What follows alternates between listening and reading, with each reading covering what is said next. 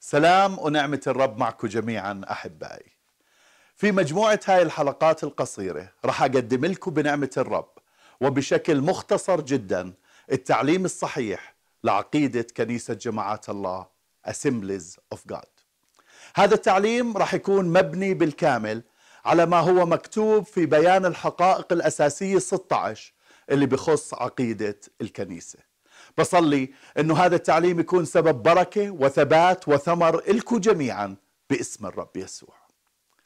ابتدأت كنيسة جماعات الله بعد نهضة روحية ما اشتركش بتحضيرها أي إنسان لكن بترتيب إلهي ومفاجئ. من خلال تحرك الروح القدس بلشت هاي النهضة سنة 1906 وبلش فيها اختبار معبودية الروح القدس زي ما بنقرأ عنه بسفر أعمال الرسل الإصحاح الثاني. وبلش الحضور يتكلموا بألسنة جديدة. المشتركين بهاي النهضة سموا حالهم دعوا أنفسهم خمسينيين لأنه اختبارهم كان مثل ما حدث بالضبط في العلية يوم الخمسين أعمال اثنين.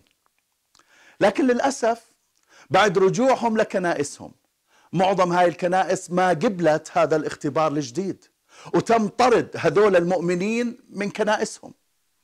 من عام 1906 لغاية عام 1914 وبعد مباحثات كثيرة.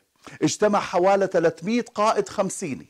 وبعد ثلاثة أيام صلاة قرروا تأسيس المجمع الكنسي العام لكنيسة جماعات الله بسنة 1914 لكن بعد سنتين وبسبب حدوث أخطاء تعليمية عقائدية وممارسات خطيرة أدرك قادة كنيسة جماعات الله أنهم بحاجة لمبادئ أساسية مبنية على الحق الكتابي وعلى التعليم الصحيح مثل ما إجا في الكتاب المقدس عشان تكون هاي المبادئ هي العقيدة الأساسية لكنيسة جماعات الله.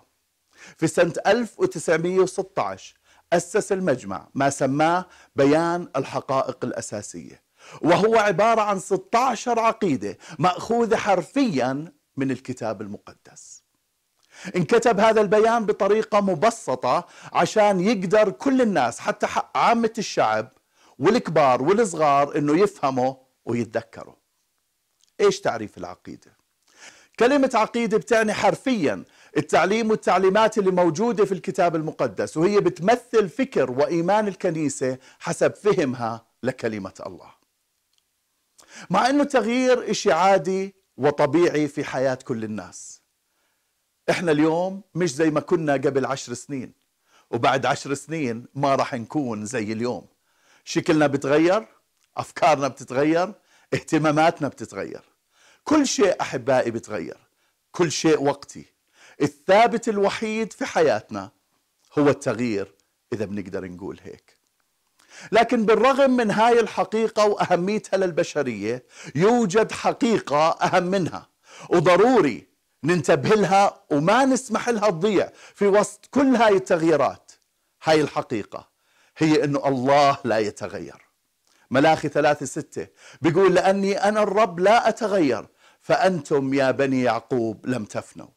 ومش بس الله لا يتغير لكن أيضا كلمة الله لا تتغير وحق الله لا يتغير. بصموئيل الثاني سبعة ثمانية وعشرين بيقول والآن يا سيد الرب أنت هو الله وكلامك حق وقد كلمت عبدك بهذا الخير. هاي الحقيقة أحبائي هي القاعدة الأساسية والمعرفة الضرورية لحياة يومية سعيدة ورجاء أبدي أكيد. بيان الحقائق الأساسية أثبت صحته وثباته على مر السنين وما صارش عليه أي تغيير أو تعديل.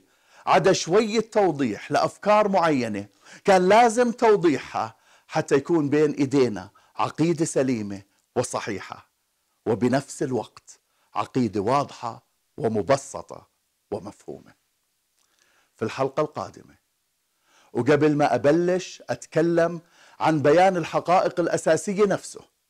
رح أتكلم بنعمة الرب عن أهمية العقيدة. بصلي أنه نتقابل مرة ثانية هناك وإحنا مستعدين ومفتوحين لاستقبال هذا التعليم الأساسي والصحيح. الرب يبارك.